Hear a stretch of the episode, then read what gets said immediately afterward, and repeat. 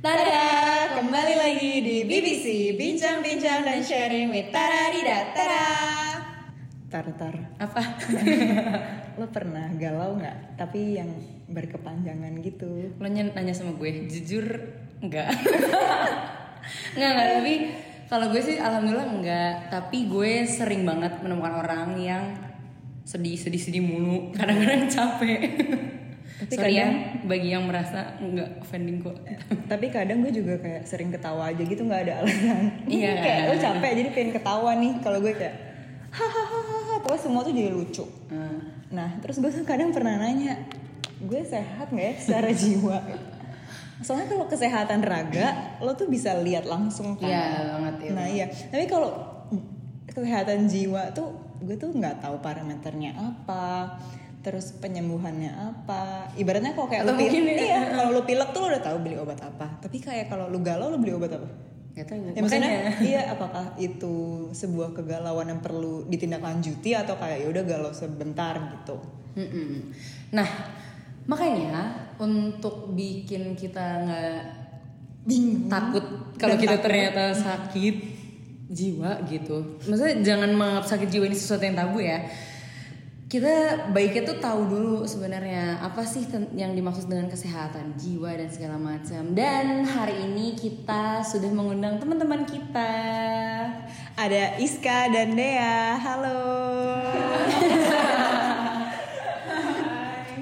Halo, hai, eh, gue Iska, dan alhamdulillah baru lulus FK.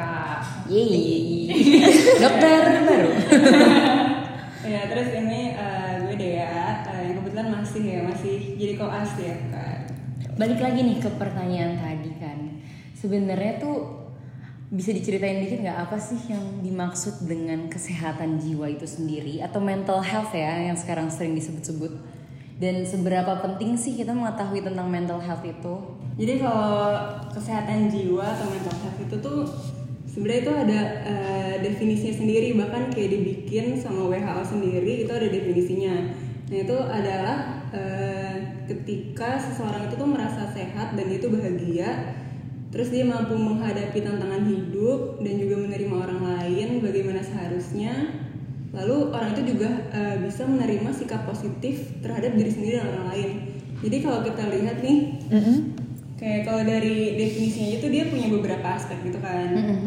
Jadi eh, ada dia merasa sehat dan juga dia merasa bahagia, terus dia mau- bisa menghadapi tantangan hidup, terus bisa menerima orang lain, juga bisa berpikir positif gitu.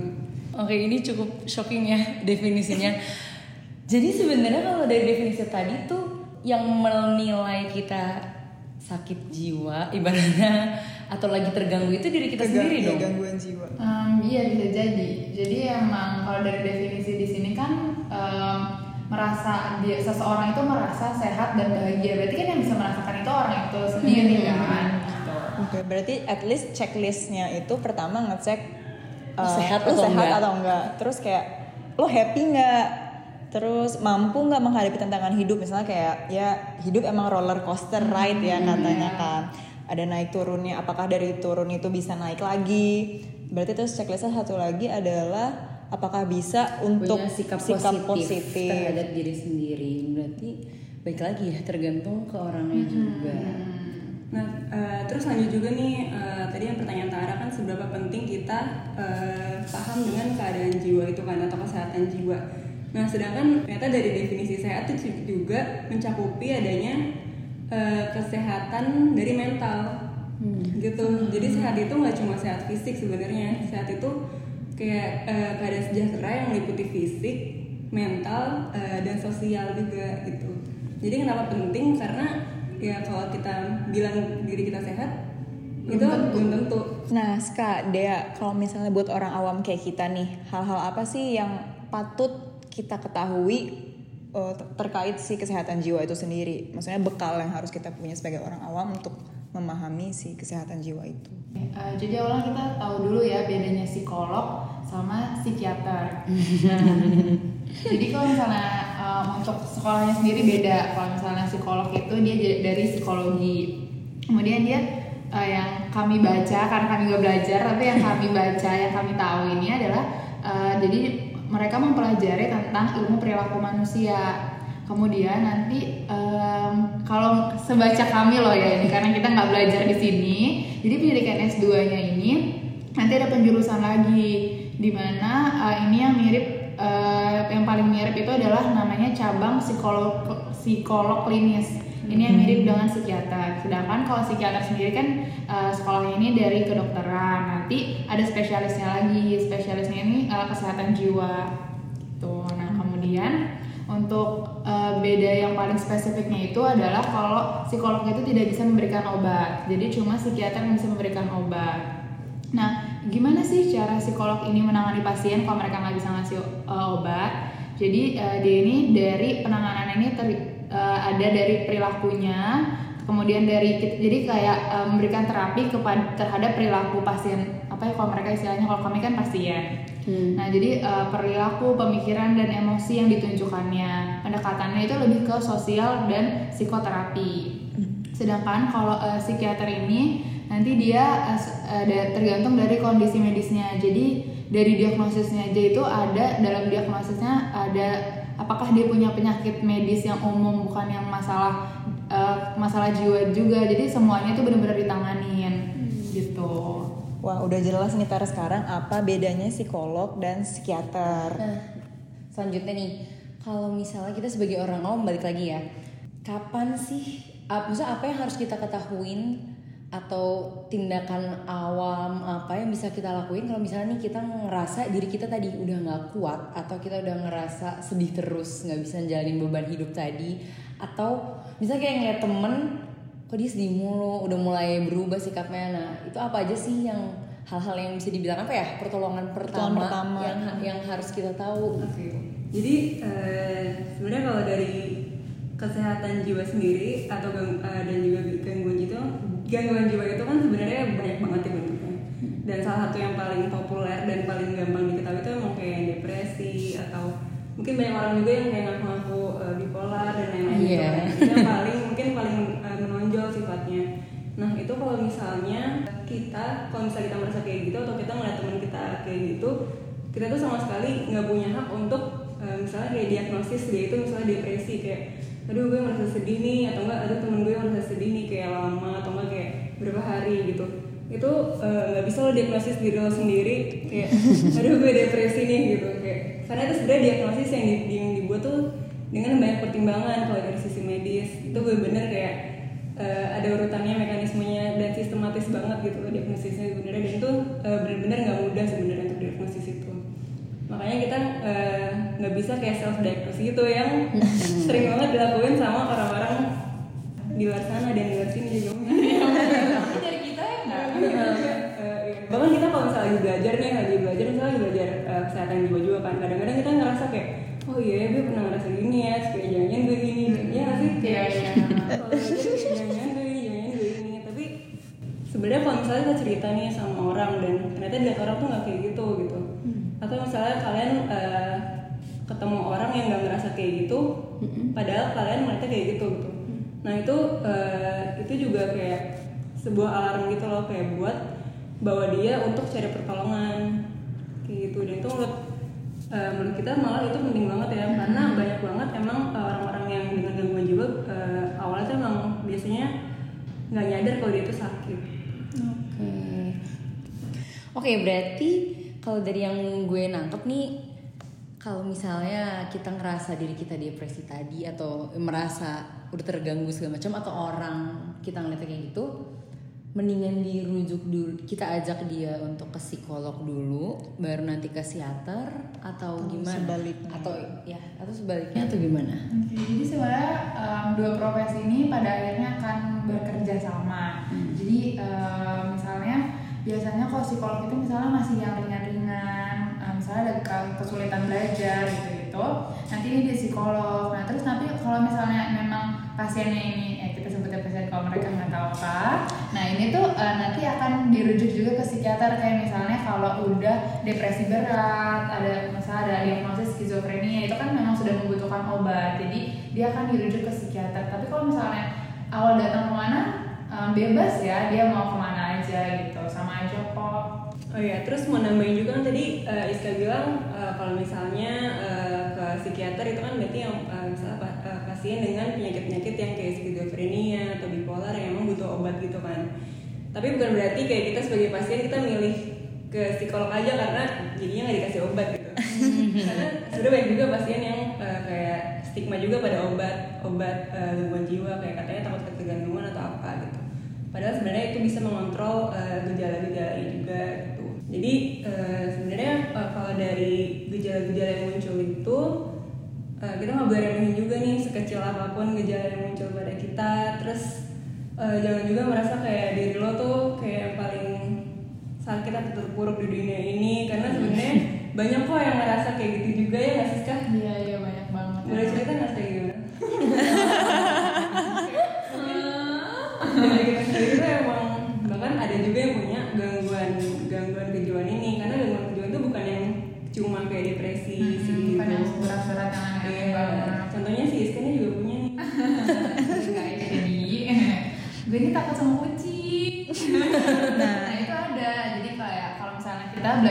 ada buku namanya PPDBJ. Jadi kalau untuk mendiagnosis itu ada namanya kriteria diagnosis dan itu ada nggak cuma satu checklist. Jadi kayak hitungannya kalau kita mau diagnosis itu ada checklist-checklistnya gitu yang harus terpenuhi baru kita bisa mendiagnosis orang itu dengan penyakit tersebut gitu. Nah, jadi kan gue takut kucing itu diagnosisnya itu adalah fobia khas atau spesifik fobia gitu tuh kayak gue aja udah ada tidak sehat guys Eh bentar. Tadi ada fobia kucing kan, Ska. Nah, kalau OCD itu termasuk eh, sebuah gangguan kah atau ya udah emang kayak orangnya tuh pengennya rapi nggak mau ngasal aja gitu. ini dia yang mau jelasin Please. Jadi OCD itu emang merupakan gangguan juga gangguan kejiwaan juga itu maksudnya gangguan kepribadian gitu. Nah OCD itu sebenarnya ada dua cakupan gitu. Jadi kan kepanjangannya apa tuh? Mbak? Obsesif. Apa obsesif? Apa Clear disorder. Obsesif, kompulsif, disorder. Oh, kompulsif. Jadi ada obsesifnya, ada kompulsifnya. Nah, dua hal ini tuh berbeda gitu.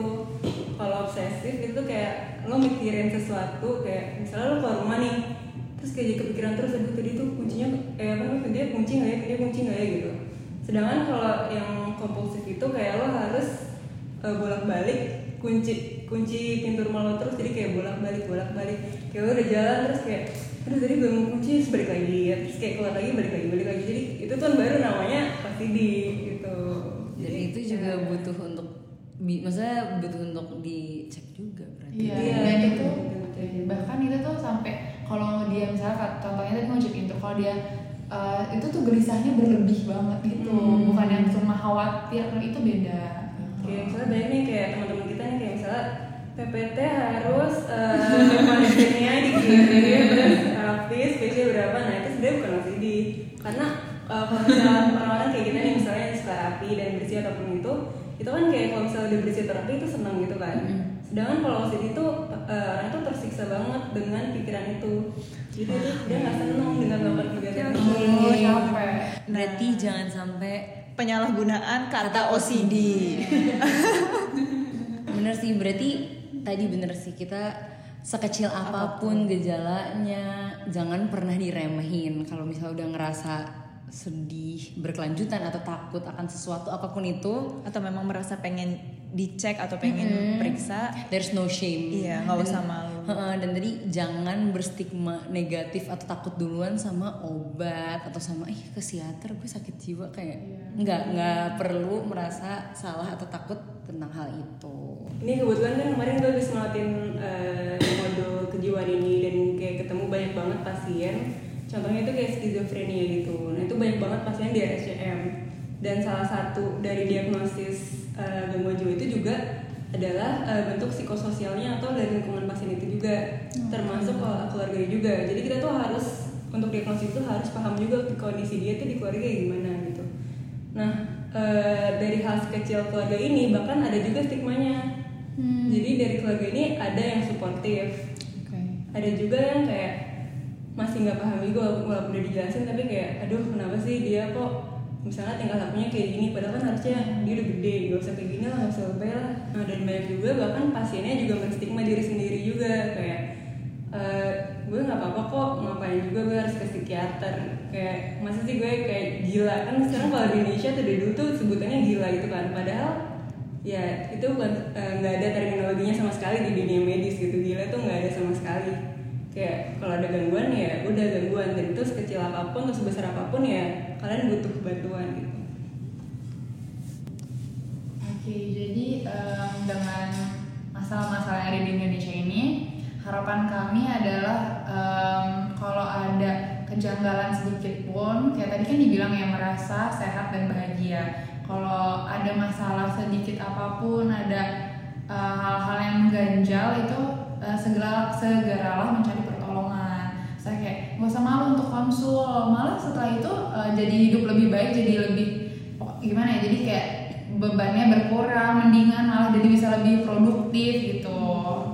Gitu terus abis itu juga eh, balik lagi yang tadi ya jangan self diagnose karena itu tuh belajarnya susah banget. Ya maksudnya tuh susah banget. Jadi kayak kalau misalnya sedih sedikit ya udah konsul aja tanya kenapa kenapa jangan langsung kayak gue depresi ini gue ini. Itu tuh nggak bisa semudah itu untuk mendiagnosisnya sendiri. Berarti nih buat teman tada sekalian, kalau misalnya teman semejanya atau teman dekat kalian sedih mulu, marah-marah mulu, atau misalnya tidak nih ya Rip, ntar kalau misalnya lo sedih mulu, gue suruh lo ke psikolog atau ke psikiater.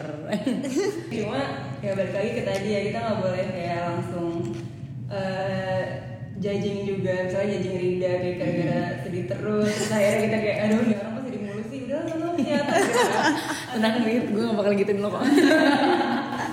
kayak dikucilin atau ya diomongin dari belakang gitu. Karena sebenarnya dia butuh pertolongan kayak kayak gitu. Dan misalnya contohnya nih kasus yang lagi marak banget nih yang lagi apa pemerkosaan di luar negeri itu. Nah itu kan kayak banyak juga tuh orang Indonesia yang kayak aduh ini orang sakit jiwa nih pasti kayak bela gitu. Padahal kalau misalnya dia bilang sakit jiwa nih ya sebenarnya dia butuh pertolongan gitu kan bukannya dikucilkan atau dijauhin gitu. Sedangkan kalau misalnya dia ditolong mungkin segera dari dulu kita udah aware atau keluarga udah aware atau kayak teman-temannya juga udah aware akan uh, misalnya gejala dia yang munculnya. Mungkin jadi nggak sebesar Iya, itu ya. pelan-pelan gitu. Kita jadinya bisa tahu gitu. Jadi ya kalau bisa kalau misalnya kita ada di lingkungan sekitar yang mungkin ada banyak juga ya yang menunjukkan gejala-gejala bermacam-macam kayak misalnya Rida gitu. Oke, I'm the subject now. atau siapa gitu ya atau bos gitu kan. Ya itu ya ya udah mungkin harus lebih aware juga sama lingkungan. Atau minimal kayak ya tanya aja lo kenapa gitu. Mungkin dengan dia bercerita itu udah dia nggak gitu lagi gitu. Berarti balik lagi kita harus lebih peduli dulu Iya, sama iya. sekitar kita. kalau misalnya kita merasa ehm, kok kayaknya lo udah bu, ehm, mending lo cari bantuan ya gitu. Jadi ya kita dulu gitu yang lini pertamanya. Hmm, seperti yang tadi kita bahas, tapi dengan cara yang Yang lebih, lebih baik dan halus. Oke, jadi em, balik lagi ya ke tadi yang secara definisi itu merasa sehat dan bahagia. Jadi itu eh, untuk diri sendiri dan juga lebih aware ke sekitar dan kalau misalnya merasa butuh bantuan, em, segeralah mencari bantuan terdekat. Oke, jangan takut, jangan merasa lebay. Jangan ngatain orang lebay karena kita nggak tahu ya orang tuh gimana. Baiknya kita bertanya, bantu teman-teman dan orang di sekitar kita. Yuk kita mulai aware satu sama lain dan lingkungan sekitar. Khususnya tentang kesehatan jiwa tadi. Sampai jumpa di BBC berikutnya. Dadah!